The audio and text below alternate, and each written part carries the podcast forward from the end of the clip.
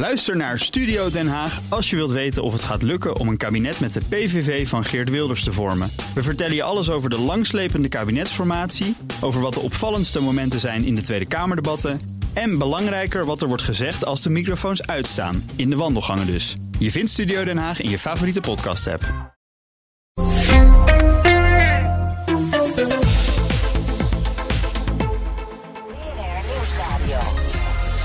Oekraïne heeft de afgelopen weken grote militaire winsten geboekt. Dat heeft staatssecretaris-generaal Jens Stoltenberg gezegd op een persconferentie voorafgaand aan de tweedaagse NAVO-top in Brussel. Door onze Europa-verslaggever Geert-Jan Haan. Geert-Jan, goedemiddag. Goedemiddag, Kees. een opvallende uitspraak van Stoltenberg. Wat bedoelt hij daar precies mee? Ja, ik zat de persconferentie van 35 minuten van Stoltenberg terug te kijken. En ineens uh, uh, doet hij deze uitspraak. Hij geeft aan dat um, de meest intense gevechten uh, sinds de volledige invasie van Rusland in Oekraïne twee jaar geleden nu plaatsvinden. Hij wil ook niet spreken van een padstelling, um, wat eigenlijk al weken nu de ronde doet. Maar hij uh, legt de nadruk op grote militaire winsten die Oekraïne de laatste tijd heeft geboekt. En dan heeft hij het over dat de Russische gevechtscapaciteit voor een deel is uitgeschakeld. Dat ze grote verliezen hebben aan Russische zijde. Maar ook dat de Zwarte Zeevloot um, deels is teruggedrongen op de Zwarte Zee. Uh, de Russische Zwarte Zeevloot moet ik dan zeggen. Dat hoorden we eerder al van Zelensky. Stoltenberg geeft dat nu ook aan. En hij denkt dus niet zozeer in um, gebieds terrein dat is veroverd. Want dat is een jaar geleden dat Oekraïne echt grote stukken land wist te bevrijden. Maar hij denkt dus echt in ja, het uh, grotere plaatje van de oorlog. En dat de Russische positie ook uh, deels is verzwakt, omdat ze de Zwarte Zee niet meer volledig kunnen, kunnen gijzelen. En uh, dan uh, refereerde Stoltenberg ook nog aan het NAVO-lidmaatschap van de Oekraïne. dat zou onder voorwaarden kon dat land dan lid worden. Welke voorwaarden?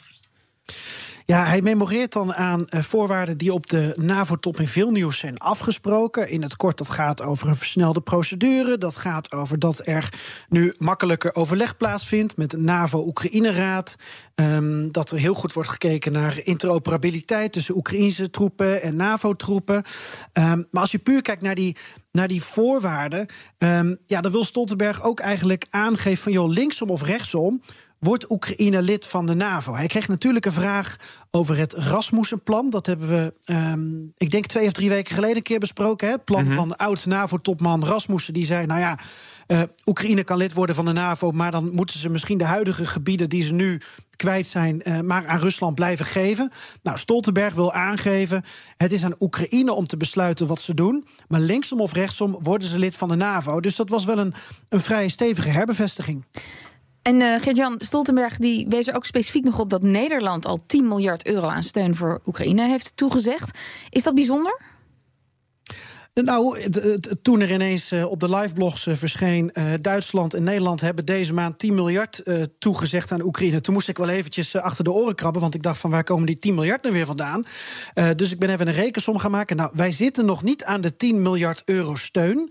Um, wij gaan wel richting de 9 miljard. En daarmee nestelen we ons in de Europese subtop. Mm. Um, maar wat, wat Stoltenberg heeft willen aangeven, is dat er deze maand 10 miljard euro is uh, toegezegd aan Oekraïne, waarvan 8 miljard van Duitsland komt en 2 miljard van Oekraïne of ah. van Nederland. Het is niet zo dat wij ineens 10 miljard aan Oekraïne hebben gegeven. En Stoltenberg nam Rusland ook nog eventjes uh, op de korrel vandaag. In recent weeks, uh, Moscow has been facilitating the arrival of migrants at Finland's border with Russia, prompting the closure of border crossing points. Using migration as a tool to put pressure on a neighbor and a NATO ally. Hij zegt Rusland zet migratie als wapen in tegen Finland. Waarom zegt hij dat nu? Stoltenberg zegt dat omdat Finland de grenzen met Rusland uh, grotendeels heeft uh, gesloten. En omdat Finland ook de hulp van de NAVO daarvoor zou kunnen inroepen. Dat hebben ze nog niet gedaan volgens Stoltenberg. Op dit moment kan Finland het zelf afhandelen met, met Frontex erbij. Maar Stoltenberg wil aangeven dat Rusland migranten misbruikt. Um, en dat eigenlijk inmiddels als een be beproefd recept doet.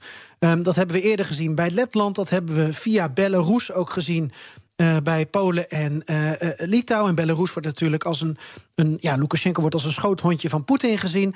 Dus Stoltenberg wil aangeven: dit accepteren we niet. En dit is het zoveelste voorbeeld van dat Rusland eigenlijk een, een all-out war voert tegen het Westen uh, door cyberaanvallen, maar ook door bijvoorbeeld desinformatie, uh, energie, blackmail, maar ook met het inzetten van, uh, van migranten. Dank Geert-Jan Haan, onze Europa-verslaggever en ook Oekraïne-watcher.